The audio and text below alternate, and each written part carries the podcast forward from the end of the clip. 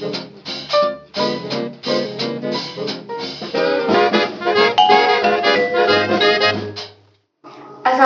warahmatullahi wabarakatuh. Selamat sore Sobat LP3S. Selamat datang di episode perdana Bincang Pustaka spesial Hari Pahlawan dengan tema pada hari ini adalah Becoming Heroes in Digital Era. Bersama kami Christian Jeremy, biasa gue dipanggil Emi sih kayaknya. Dan saya Lisa. Nah pada hari ini kita sudah kedatangan tamu spesial nih, jauh-jauh dari Bekasi, Abang None 2019. Siapa tuh Lis? Kenalin dong, siapa nih? Bang Siapa Satria? Bahar, silahkan. Halo Lisa dan Emi, halo juga teman-teman. Hai hai hai di mana pun semuanya berada. Perkenalkan, saya Satria Bahar. Kebetulan tahun ini diamanahkan menjadi Abang Buku DKI Jakarta 2019 hingga saat ini. Sebagai abang buku sih, ngap, itu ngapain sih bang? Boleh ceritain sedikit nggak tuh? Tugas itu ngapain sih? Mhm. Eh, abang Buku itu sebenarnya mungkin banyak yang belum tahu ya, Mhm. karena mungkin Abang dan None ya Abang None gitu. Oh iya. Ada dua perbedaan Mhm, besar mhm. sebenarnya. Kalau Abang Buku ini dia lebih meningkatkan minat baca atau literasi di masyarakat. Dalam hal ini dibawahi oleh Dinas Perpustakaan dan Kearsipan Mhm, mhm. DKI Jakarta. Nah, kalau Abang None pariwisata dia concernnya ke pariwisata, pengembangan pariwisata. Nah, kalau kita ngebahas mengenai buku, jadi Mhm. sesuatu yang esensial banget di masyarakat yang kita semuanya nggak sadar itu penting Mhm. buku, minat baca, literasi, apa pun bentuknya, baik literasi digital ataupun gimana caranya nanggulangin hoax. Mhm, mhm. Gitu sih. Asik banget tuh kayak bangnya jadi abang none itu ya. Asik ya? banget sih, Oke. karena kita ketemu banget banyak orang, apalagi kalau misalnya Lisa suka ngajar nih, dan ini suka ngajar, passion ngajarnya bakalan kepake banget di situ. Karena kita sering kali mengajar di enam titik kota media, Mhm. Jakarta Barat, Timur, Selatan, Kepulauan Seribu, dan lain sebagainya. Mhm. Dan di situ uh, pernah dengar mungkin ya ruang terpadu ramah anak. Jadi kita RPTRA. sering RPTRA, RPTRA, betul. mhm. Kita sering ngajar uh, di anak-anak usia 8 sampai 12 tahun. Tapi nggak sampai di situ sebenarnya. Kita juga punya program lain yaitu uh, kemarin saya sempat menginisiasi program temu Mhm. karya Mhm. peminat baca. Jadi ini tuh konsepnya bedah buku sebetulnya. Bedah buku dan kita collab bareng dengan uh, salah satu komunitas reading enthusiast community Indonesia Mhm. di mana ini komunitas yang dibentuk sama PPI Frankfurt Jerman. Hmm. Jadi asik sih karena Asik ya? kita setiap hari ketemu dengan masyarakat, Hmm. ketemu dengan banyak orang dan peran kita tuh ganda. Peran kita mempromosikan minat baca buku Hmm. sekaligus mengajar dan juga mempromosikan nih sesuatu mungkin penyakit yang masih Mhm. ada di masyarakat kayak digitalisasi dan menanggulangi hoax. Hmm, nah, iya. itu tuh literasi. Iya, gitu sih. apalagi di apa anak-anak muda sekarang kan minat literasi mereka kan cukup rendah gitu kan. Iya sih betul Mhm, apalagi mhm. UNESCO menempatkan Indonesia ya Mhm. di negara kedua terakhir di Asia Tenggara. Iya. Ke- mungkin pernah denger ya kayak banyak banget margin UNESCO kayak 0,03 persen, 0,08 persen Mhm. itu kan rendah banget. Wah sebenarnya saya yakin sih semua orang punya buku gitu Iya, dipegang, mhm. tapi mau gak untuk membagikan buku itu dan Mhm. mengaplikasikan di masyarakat? Mhm, mhm. Itu sih sebenarnya Oke yang deh. kurang di Indonesia. Oke deh. Betul banget. Oh ya, kita punya quiz nih teman-teman Sebelum nih. masuk ke buku, kita Mhm. uh, mau ngelanjutin uh, dari posan yang tadi pagi Iya. tentang kuis lanjutan. Jadi uh, nanti setelah ini akan ada kuis lanjutan yang kalian syaratnya adalah untuk uh, jawab pertanyaannya di kolom komentar IG live setelah live ini berakhir. Pertanyaannya Jangan- apa tuh? Pertanyaannya, apa sih poin penting yang kalian dapetin dari live hari ini, dari perbincangan kita hari ini? Nah, syarat dan ketentuannya itu, yang pertama kalian wajib follow IG LP3S dan IG Galeri Buku LP3S. Yang kedua, kalian wajib buat ngetek dua orang teman kalian. Em, lanjut, apa lagi nih? Waktunya kapan nih? Oh, ntar diumuminnya jam 9 malam. Hmm. Tunggu ya guys. Iya benar. Berikan jawaban terbaik Anda. Kuisnya ditutup jam 7 malam ini ya guys. Oh, iya. Jangan sampai kelewatan. Berarti jam 7 tutup, pengumuman jam 9. Jam 9. Oke deh. Oh, balik lagi kita ke buku ini ya. Iya. Nah, jadi kita akan bahas tentang buku ini, Masa Depan Kemanusiaan Superhero dalam Pop Culture, karya dari Paul Heru Wibowo. Brief eh, profil dari penulis sendiri, eh, Paul Heru Wibowo sendiri adalah lulusan S1 Sastra Indonesia di Universitas Gajah Mada. Sekarang beliau aktif mengajar eh, terkait sastra dan bahasa Indonesia di SMA, bilangan SMA. Salah satu SMA. Iya, itu benar sih. Oke deh, sama beliau juga aktif di LP3S juga. Nah, Oke, masuk nih ke Bang Satria. Hmm. Menurut Bang Satria nih dari yang udah dibaca kemarin udah baca kan ya bukunya? Udah dibaca kan ya? Baru banget selesai Iya. malam. bagus nggak nih bukunya bang? Em, bagus karena komprehensif banget Hmm, membahas mhm. mengenai sisi lain superhero. Menarik ya. Ini Mhm. menarik banget karena kan yang kita tahu superhero ya sesuatu yang magic dan kita nggak tahu dia Mhm. punya bakat dan kita cuma suka Mhm. dia sebagai as if dia sebagai di film gitu loh. betul. Nah di kehidupan nyata ternyata di pop culture sekarang nih pengaruhnya besar banget Mhm, mhm. uh, Christian dan Lisa gitu. Setuju. Oke, secara general nih dari yang udah dibaca, ini bukunya tentang apa sih, Bang Satria? Mhm. Um, jadi uh, mungkin gue pengen nyimpulin sedikit uh, dari apa yang udah dibaca. Uh, yang pertama buku ini ngebahas mengenai gimana superhero ini pada akhirnya jadi kekuatan di dunia komersil Mhm. kayak di masyarakat gitu loh. Mhm. Jadi kayak gimana superhero ini mengontrol budaya konsumerisme di masyarakat.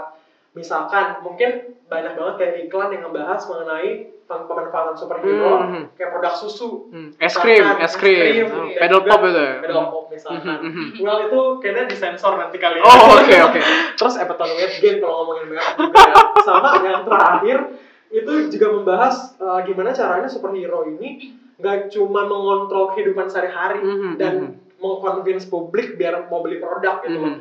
Gimana caranya uh, superhero ini sebenarnya secara nggak sadar jadi satu alat untuk uh, kayak masyarakat ini mau untuk attach dengan dunia uh, hayalan karena mereka mungkin lagi ada di keputusasaan dalam menghadapi kehidupan nyata. Mhm, mhm. Banyak sih yang bilang bahwa superhero itu cerminan dari adanya krisis. Mhm. Well, I can say that itu akurat sih Nah, akurat ya, bener ya. karena uh, kalau misalkan kita bahas lagi nih secara garis besar, masyarakat sekarang ada di budaya konsumerisme. Iya. mhm. Kayak semuanya serba kapitalis kan, semuanya serba dikontrol oleh one market takes all Mhm. dan sebalik sebaliknya. Terus banyak banget uneven distributions Mhm. yang pada akhirnya kita ada di posisi di mana gue bagian yang dikontrol dan gue sebenarnya secara ekonomi kayaknya nggak equal dengan pembagian distribusinya perusahaan Mhm, di mhm. masyarakat gitu. Otomatis oke, gue krisis. Nah ngomongin krisis, banyak banget sih term krisis di masyarakat, Mhm. bukan cuma dari segi ekonomi, Mhm. bukan cuma caranya ngisi perut, Mhm. ya mungkin let's say kayak uh, mungkin pergi pergi ke masyarakat karena dia nggak setuju dengan adanya pemerintahan dan mungkin pemerintah yang sekarang kayaknya serba ngorot ngarit apalagi Mhm. masih masa krisis. Nah masyarakat otomatis sering kali ingin kayak ada antidot gitu loh Mhm. untuk mengubah kebahagiaan tersebut. Uh, sama-sama background politik nih, uh, Emily dan oh iya. pernah dengar teori Gyosasan gratification nggak? Mhm. Boleh bisa dijelaskan nggak tuh bang? Jadi Apa di tuh? teori instant gratification itu kan sebenarnya ada ya salah satu uh, poin yang dijelaskan namanya uh, surveillance, Mhm. surveillance dan uh, distraction. Mhm. Kenapa? Karena di sini tuh dia dijelaskan bahwa masyarakat pada akhirnya tuh menonton suatu produk ya dalam hal ini superhero Mhm. itu untuk mengalihkan Mhm. pikiran dia dari realita dia sehari-hari Mhm. karena dia merasa bahwa kehidupan sehari-hari ini ekspektasi ini gak sesuai dengan realita yang ada otomatis dia men- mencari figur yang bisa nih kayaknya ngelindungin gua dan bikin gua happy ya dengan adanya superhero ini karena balik lagi ke konsep superhero di sini juga dijelaskan oleh Paul bahwa banyak banget spektrum superhero dari masa ke masa Mhm. gak cuma di Amerika Serikat Iya. tapi juga di Jepang gimana uh, Jepang akhirnya mengekspresikan restorasi Meiji Mhm. lewat manga Mhm. ya kan ya dan Dari wujud pemberontakan gitu kan? pemberontakan keputusasaan despair disappointment dari uh, mungkin wujud mereka yang nggak bisa uh, survive sebagai negara dan juga ada dua sebenarnya sih kalau untuk ngomongin tentang manga di Mhm. Jepang Mhm. Mhm. di Paul, ini menjelaskan bahwa uh, pertama manga itu didefinisikan sebagai bentuk transisi antara tradisionalisme feodal Mhm. si Jepang Modernisasi Modernisasi. pasca restoran Meiji itu. betul Mhm. exactly dan kedua ini adalah uh, kekecewaan Jepang ketika mereka kalah perang dunia dua Mhm. well crisis so massive Iya. yang kan di Jepang waktu itu kan Mhm. Ketika itu otomatis masyarakat Jepang menginginkan adanya figur yang bisa at least bikin gue secure Mhm. manga itu jawaban di atas Hmm. uh, ekspresi mereka jadi mereka mengekspresikannya lewat manga mereka nul- nulis dia kan garis-garis ya Iya. kayak garis-garis yang polanya garis-garis itu sebenarnya mengekspresikan kekecewaan mereka Mhm. tapi mereka tulis dalam bentuk yang scratch gitu loh Hmm, manga mhm, dan manga. Mhm. gambar Mhm. Mhm. nah itu salah satu poin yang sangat menarik sih yang Hmm. gue bahas dan Indonesia pun dibahas Hmm, Coba, oh, oh, kita lanjutin berarti ya. Bu. Nah tadi kan eh, Bang Satria sendiri kan eh, ceritain tentang Jepang kan ya, Eh, di- di- dinamika terkait pop culture di Jepang. Nah, kalau kita balik lagi kan pop culture sendiri kan dipopulerkan oleh Amerika sendiri kan. Yes. Pasca Perang Dunia Pertama di mana seniman-seniman di Amerika mulai mempopulerkan tokoh-tokoh komik kayak Iya. Superman, terus apalagi Batman gitu kan ya. Batman. Eh, dan memang eh, muncul juga kritikan dari scholar di sana gitu. Karena apa sih eh, menyebabkan adanya pemberontakan di remaja akhirnya dan sampai akhirnya mereka buat dekonstruksi terkait tokoh-tokoh komik sendiri. Dan di Jepang kan beda beda juga kan ya? Kalau di Ya. Jepang kan wujud pemberontakan dari eh, nilai-nilai eh, modernisasi yang mereka rasakan ya kan? Pasca restorasi Meiji sendiri kan? Nah kalau di Indonesia sendiri tuh menurut buku ini tuh kayak gimana tuh buku ini di te- pertengahan buku dia kayak ngejelasin banget ke Christian dan Lisa Mhm. uh, gimana caranya di Indonesia di superhero figure itu datang dari The Crisis Mhm. betul karena kalau misalkan kita lihat dulu Zeitgeist Indonesia tuh masih pasca uh, Great Depression ya Mhm. di tahun 1930 di 1929 akhir di mana Indonesia pun jadi salah satu negara yang terkena dampaknya Hmm. dan salah satu superhero pertama di Indonesia yang kebetulan pada saat itu ada adalah Sri Asih. Hmm. Sri Asih ini Mhm. jadi salah satu penolong yang memang ada perbedaan sih karena superhero yang ada pada saat itu putih semua. Mhm. Quote dalam artian kayak Sri Asih ini ya prominent figure yang sincere, suci, Mhm. terus kayak yang dia baik banget dan ada perubahan ketika di Indonesia superhero itu kebetulan diglokalisasikan karena sebagai bentuk uh, merespon kolonialisasi Barat. Mhm. Nah, pernah denger lagu Benjamin nggak yang Superman? Oh iya, Mhm. bisa dinyanyiin sedikit nggak tuh? Lupa Boleh nggak?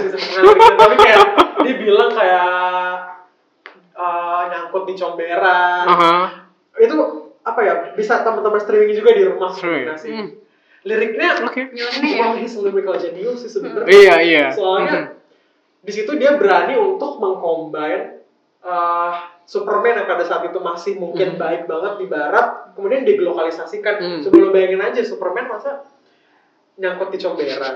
Terus dia kayak memix antara bahasa Inggris dengan Indonesia. Indonesia. Oh, oke. Tapi ketika kita lihat secara implisit, well that's the message yang Mhm. dicoba untuk di deliver sama uh, Benjamin Sueb Mhm. beliau untuk kemudian melihat bahwa Indonesia bisa membuat pemberontakan superhero ini Mhm. dalam hal ini melalui lokal value mereka Hmm, gitu loh mhm, mhm. dan budaya Betawi itu pada saat itu memang masih melekat di masyarakat ada si Pitung juga kan hero yang saat ini juga masih turun temurun kemudian kita lihat sebagai uh, Urban legend gitu. ya? urban legend Mhm. folklore dan juga uh, salah satu warta carita di masyarakat yang Mhm. masih ada kan Mhm. uh, generasi Betawi dan yang menarik adalah kalau misalkan kita ngomongin mengenai film horor Mhm. mungkin Lisa sama Amy kayak merinding kalau misalnya dengerin Sundot Bolong Iya. Susana ya. susah Susana. apalagi kalau misalnya kita discuss malam Jumat nih untung bukan malam Jumat jadi Sunda Bolong ini kebetulan secara gak langsung memang legend Mhm. tapi di sisi lain adalah uh, wujud manifestasi ketika si Paul ini menja- mendefinisikannya sebagai hero heroisme yang Mhm. terjadi dalam rangka melawan patriarki tapi Hmm, mhm. di sisi lainnya sesunda bolong ini jadi korban patriarki di Ah, masyarakat iya, iya. pada saat itu gitu. Kan soalnya sinopsisnya kalau nggak salah uh, Sundel Bolong itu kan pas hidup dia uh, ditinggal suaminya kan kalau nggak Iya, salah. Terus betul. dihampiri sama inilah Iya, laki-laki Satron gitu. hidung belang gitu lah, iya kan. Betul, betul, Sampai betul. akhirnya dia diperkosa gitu segala macam. Iya betul betul. Akhirnya Dan- dia komit ini kan suicide ya Iya. segala macam gitu. Iya maksud dan Mhm. uh, well tragically that's happen juga Iya. di zaman sekarang nggak Mhm. sih di masyarakat dengan Mhm. konstruksi kita yang masih ada di sisi patriarki yang Mhm. sangat kuat gitu loh Mhm. dan double standard masih ada di Iya. masyarakat. Nah di Sunda Bolong sendiri kan zaman dulu mungkin dia commit suicide and Mhm. turns out become hantu Mhm. itu wujud dari women empowerment kan Mhm, sebetulnya mhm. dia Iya, berusaha untuk uh, melawan adanya orang yang berani macam-macam sama gue Mhm. gue sebagai wanita Mhm. gitu ya quote and quote dan uh, uniknya adalah ketika Sundra Bolong ini kemudian uh, akhirnya melawan masyarakat yang sudah membunuh dia gitu ya sebagai hantu sekarang bukan manusia lagi itu ada dua teks implisit yang menarik banget yang bisa Mhm. kita bahas sebenarnya Mhm. yang pertama ini terjadi di masyarakat karena uh, ketika Sunda Bolong ini kemudian sudah melawan akan ada dua pandangan berbeda nih di Mhm. masyarakat di sisi lain di, sis- di satu sisi Sunda Bolong adalah wujud perlawanan Mhm. melawan orang-orang yang sudah jahat dengan dia Mhm. tapi di sisi lainnya masyarakat pasti akan sangat happy karena ya lo udah jadi hantu gitu loh dan lo udah uh, maksudnya walaupun lo udah survive sedemikian rupa buat mempertarungkan kebenaran well at the end of the day lo ada di langkah kaki suami lo yang Mhm. awalnya kenapa lo nggak bisa jaga diri waktu itu kenapa lo bisa disatronin sama orang-orang diperkosa dan lain sebagainya Hmm. Tragically that's happened Iya. ketika kita lihat dari perspektif superhero bahwa memang minim banget uh, peran wanita yang sering kali diribat oleh maskulinitas Mhm. di masyarakat Mhm. dan di Indonesia sendiri uh, uh, good good ways-nya adalah sekarang udah ada sih kayak lewat Gundala terus Hmm, juga iya. ada Gundala Cinematic Universe Mhm. uh, Bumi langit. Bumi Langit Bumi langit. Universe kan Mhm. dan ada Gundala ada Sri Asi Mhm. dan uh, saya yakin sih banyak banget film-film lainnya yang udah mulai memposisikan wanita Mhm. sebagai tokoh yang mungkin quote and quote hero gitu Mhm. ada juga sih yang paling terbaru nih yang mungkin buku ini juga inline dengan ini gitu. Mhm. Marlina si pembunuh empat bapak Oh iya itu. Iya kan? Filmnya keren banget sih itu. keren banget kan dan di situ Marlina well as a human being Mhm. sama dengan apa yang disampaikan Mhm. oleh pesan buku ini Iya. bahwa pada akhirnya ketika kita sudah menjadi superhero Mhm. Itu kan sesuatu yang sangat detached di masyarakat Mhm. kenapa nggak kita yang menjadi superhero kenapa nggak social construction yang mencoba membangun masyarakat sebagai superhero Mhm. karena kalau misalkan kita ngomongin balik lagi ke sendal bolong misalkan otomatis itu kan kita nggak bisa salahin serta merta si korbannya kan si victim sendal bolong tersebut yang kemudian menjadi hantu karena dibunuh Mhm. tapi karena masyarakat yang kurang kontrol untuk kemudian mengeduket si masyarakat lainnya agar lo berbuat macam-macam ada konsekuensinya. Padahal itu bisa di prevent dari awal gitu kan. Nah di buku ini sih dijelaskan sih. Jadi kayak uh, hilangnya kemudian narasi yang dibawa yang membumi kemudian dialihkan oleh sesuatu yang mungkin kayak teknikal banget Mhm. di film-film superhero zaman sekarang. Dan buku ini mencoba komprehensif menjelaskan in a way untuk membuat manusia itu tereducate sih. Mhm. jadi that everyone can be a hero uh, in so many ways dan Mhm. kita punya equality yang sama gitu Mhm. loh well not gender based lagi Iya. untuk saat ini Mhm, itu sih mhm, poin yang paling gue dapat di buku ini Mhm. Nah kita eh, lari sedikit dari buku nih. Kalau kita bicara tentang pahlawan nih kan, pasti kita mikirnya kan Soekarno, pa- eh, per- proklamator kan ya. betul betul Pasti. terus siapa lagi? Ki Hajar Dewantara, Iya. pendidikan kan. Terus sama lagi Bung Tomo gitu kan segala Iya, macam. iya. Nah kalau Bang Satria sendiri nih, figur pahlawan di era sekarang nih, menurut Bang Satria itu siapa tuh?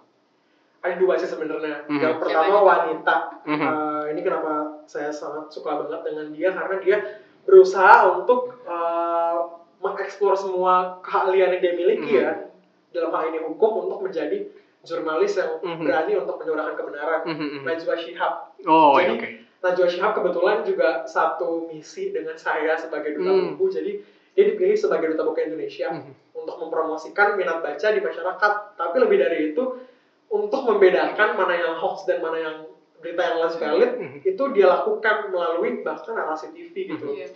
terus yang satu lagi ini ini sih kayak let's flash our time ke masa lalu ya Iya, apa tuh? Eh, HB Yasin pernah Hmm, dengar nggak mhm. teman-teman jadi Hans Bach Yasin ini Mhm. paus sastra Indonesia dan Hans Bach Yasin ini adalah orang yang berperan penting dalam mendokumentasikan naskah-naskah semua sastra di Hmm. semua angkatan jadi dari angkatan Hairil Anwar terus angkatan Iya. 65 dan lain sebagainya itu dikomentasikan sama dia Oke. ngomongin soal dampaknya hari ini kita kan mahasiswa kan kayak semuanya pasti lagi ketika-ketika yang ada skripsi Iya, iya. pasti banget Mhm. dan HBS ini berkontribusi banyak untuk kemudian memberikan sekat di masyarakat untuk masyarakat dapat mengakses jurnal-jurnal akademik angkatan lama. Hmm, Jadi mhm. kantornya itu sebenarnya ada di uh, Jakarta Pusat. Di mana tuh? Dokumentasi HB Yasin. Oh, oke. Uh, jadi ini juga sekaligus info sih buat kita dan teman-teman di rumah. Mhm. Mungkin HB Yasin adalah salah satu pahlawan yang kita sangat lupakan. Hmm. Tapi dampaknya tuh saat ini masih ada. Masih ada, Kalau hmm. misalkan ada pepatah bilang kan, Emi dan Lisa, menulis adalah bentuk mempertahankan sejarah untuk keabadian. Hmm. Saya sangat setuju banget sih, karena bahkan dengan buku ini pun kita juga jadi tahu kan Mhm. message-message superhero apa di masa lalu yang bisa kita pelajarin hari ini. Dan at the end of the day menurut saya hero itu adalah orang yang berdampak dengan orang lain Aha. dengan expertise yang dia miliki. Mhm, mhm, mhm. Tadi ada Najwa Shihab dan HB Asir. Besin. Mbak Lisa sendiri siapa sosok pahlawannya? Aduh, kalau saya mungkin orang tua. Orang tua. Oke. Pasti ya. Oke. Itu udah di top of the top banget ya. Mm-mm. Oke, lanjut lagi nih, Bang Satria. Kalau menurut Bang Satria sendiri, harusnya peran apa sih nih yang dilakuin anak muda zaman sekarang di era Mhm. digital untuk memaknai Hari Pahlawan hari ini? mhm. Soalnya sekarang lagi ada pahlawan Iya kan? nih. Iya betul betul. Betul. Ini pertanyaan yang sangat sulit untuk dijawab, Iya. tapi juga sebenarnya gampang untuk dicerna kalau kita mau Mhm. melihat lebih dalam. Anak muda sekarang senjatanya cuma satu, smartphone. Iya, Smartphone. Dan ketika kita ngomongin smartphone, otomatis kita sering kali akan terlekat banget Hmm. dengan namanya social media. Di social media, we have so many freedom. Iya. Kalau kita kontekstualisasi dengan konsep demokratisasi saat ini, Mhm. adanya UU ITE sering kali bikin kita justru ber- berlaku semena-mena gitu Hmm, karena hmm. kita we can say easily, freely, Iya. platform apa pun TikTok pun jadi salah satu cara untuk kita mengekspresikan Hmm. diri kan. Iya. Tapi kita lupa ketika kita men- menyatakan sesuatu apa efek dan impact yang Hmm, hmm, kita berikan ke masyarakat gitu Hmm. loh. Kalau demokrasi kan definisinya kayak orang yang lagi berenang Iya. kemudian ketika dia berenang otomatis dia bebas Mhm. tapi jangan sampai tangannya dia itu menabrak punggung orang lain Mhm.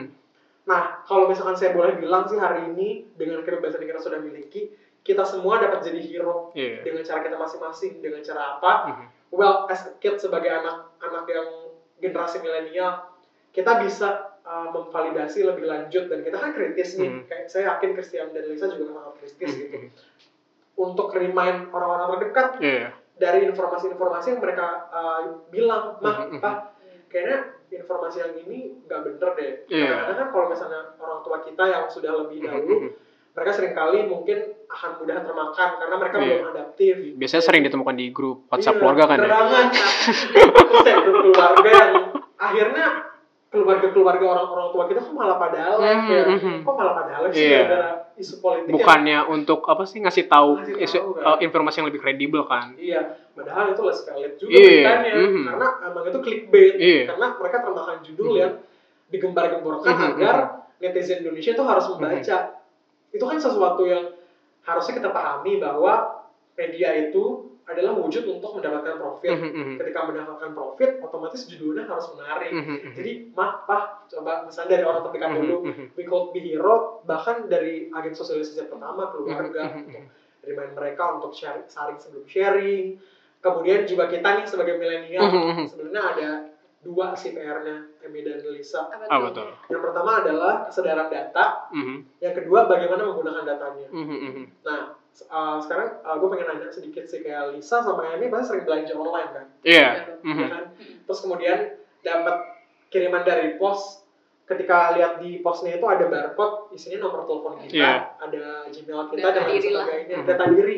Nah, kesadaran data itu bukan hanya bagaimana caranya kita akhirnya tahu dan menguasai berbagai macam aplikasi Mhm. di sosial media dan uh, gawai kita gitu.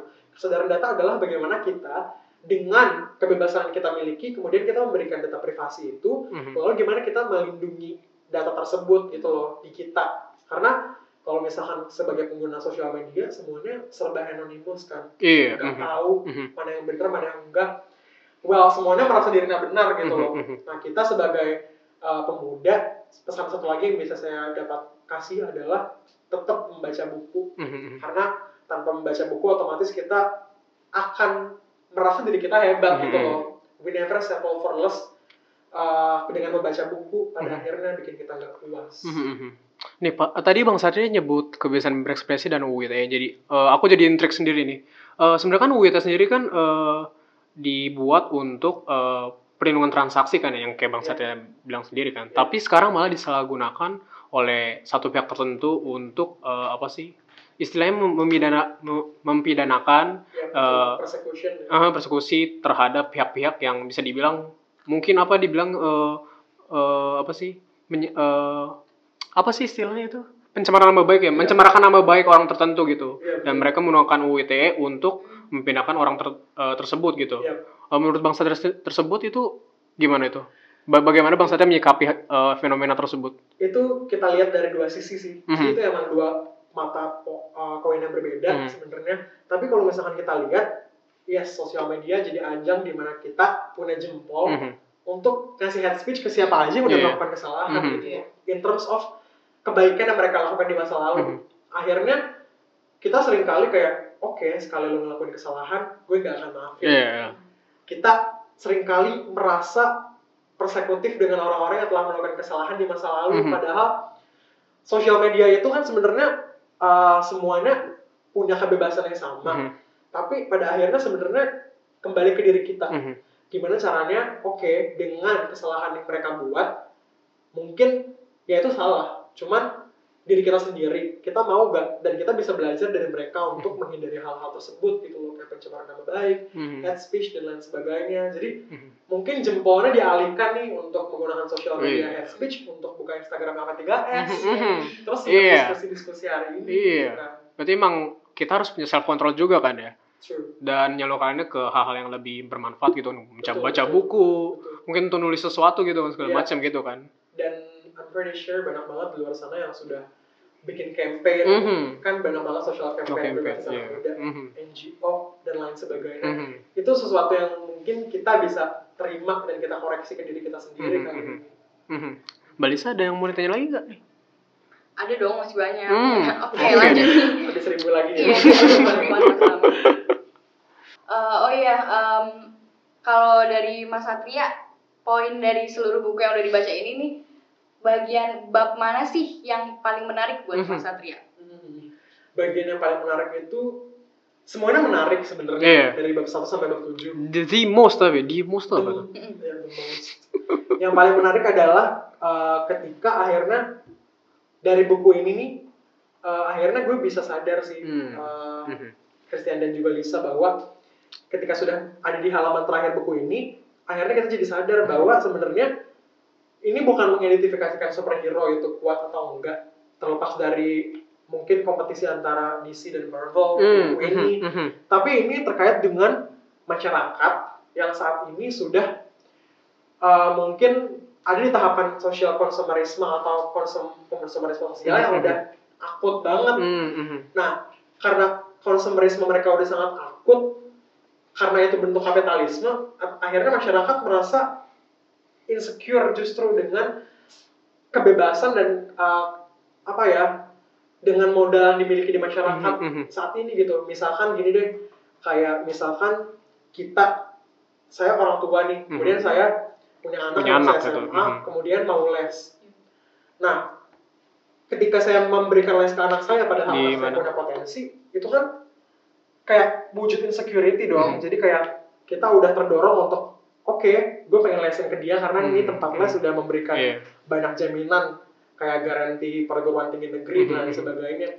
Itu kan salah satu bentuk di satu sisi apa ya kenyamanan, Mhm. tapi di sisi lain we dealing with social Mhm, insecurity. mhm. Begitupun jika kita analogikan di masyarakat. Masyarakat, Jadi superhero ini salah satu bentuk escapism kayak pengalihan masyarakat ketika masyarakat sudah merasa nggak ada yang bisa dia percaya Mhm. di di sosial di sosial mereka mhm, gitu in terms of pemerintahan Mhm. in terms of orang-orang di sekitar bahkan Mhm. kayak mungkin tetangga gitu kemudian dia mencari apa ya quote and quote antidot atau pelampiasan dengan itu superhero karena they can gain kebaikan dari superhero tersebut dan kekuatan superhero tersebut untuk melindungi masyarakat. Jadi oh iya ya setelah uh, saya baca buku ini ternyata kayak ini kita yang salah. Jadi harusnya dari superhero masyarakat berusaha harusnya untuk dimulai dari hal-hal terkecil Mhm. we can be hero in our way. Mhm. Jadi kayak kita punya kedudukan yang sama untuk menjadi superhero sebenarnya.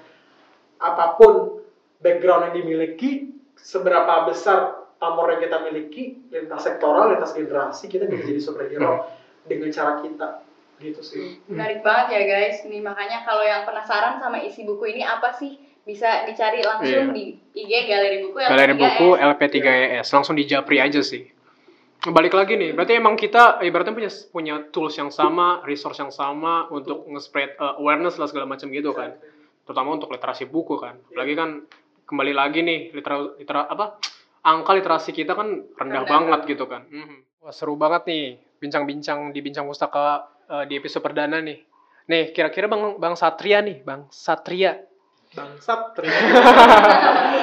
apakah ada closing statement Closing statement diskusi kita hari ini. ya? Mhm, dari buku ini dan pesan-pesan untuk ini ya kaula muda. Iya, buat Oke. sobat LP3S apa nih? Mhm. Oke, sobat Lapa 3S di mana pun berada, asik. Jadi eh, dari Hale Pahlawan ini kita mungkin penting untuk memaknai kembali sebenarnya siapa sih pahlawan itu? Kalau misalkan kita mengkritisi lagi, pahlawan adalah mereka yang datang dari masyarakat yang mampu memberikan dampak orang lain dengan skill yang mereka punya. Pahlawan itu adalah kita. Pahlawan itu adalah Christian dan Lisa. Pahlawan itu adalah semua yang ingin berubah dan kemudian membagikan ilmunya di masyarakat. Karena kalau misalkan kita kontekstualisasikan hari ini ya, closing statement bisa kayak kasih kedua adalah buku itu adalah penawar bagi revolusi industri 4.0 di mana semua orang sudah menggunakan gadget dan lain sebagainya.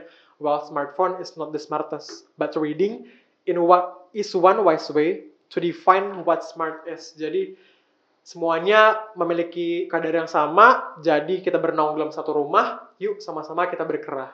Boleh pantun gak nih bang? Oh boleh banget, tuh, boleh boleh. Apa tuh? Abang None nyambut tamu, Mhm. Cakep. tamunya dari Bekasi. Cakep. Gunakan hati, asah logikamu, yuk berliterasi untuk menginspirasi. Asik Wah, keren banget. Masak air. Satria. Mbak Lisa ada ini nggak Iya pesan-pesan juga nih? kan teman-teman sobat LP3S. Kalau yang kepo nih sama buku ini isinya apa aja sih dari tadi tuh kita cuma sebagian kecil aja Mhm. sebenarnya lebih seru dari itu. Iya, Kalau yang kepo betul. bisa cek Instagram LP3 Galeri Buku LP3S ya guys. Mhm, mhm. Langsung japri aja di DM ya. Ya, ya buat ngingetin lagi nih. Kayak ada kontak lupa- personnya juga deh. Iya, jangan lupa buat ikut kuis lanjutan dari uh, perbincangan kita hari ini yang bakalan ditutup jam 7 dan Jam 7. diumumin pemenangnya jam 9 malam. Jangan lupa ya guys. Dikit lagi. Dan jangan lupa untuk tetap nungguin bincang pustaka, Pustaka lainnya ya Dan guys. pastinya dengan eh, tamu-tamu yang nggak yang salah, nggak salah lagi, nggak kalah asiknya. Iya, iya, Sorry iya. udah sore nih jadi nggak fokus. Oke deh, jangan lupa ikuti sosial media LP3S, LP3ES. Linknya ada di bio Instagram. Terima kasih ya. Terima kasih ya. Assalamualaikum warahmatullahi wabarakatuh.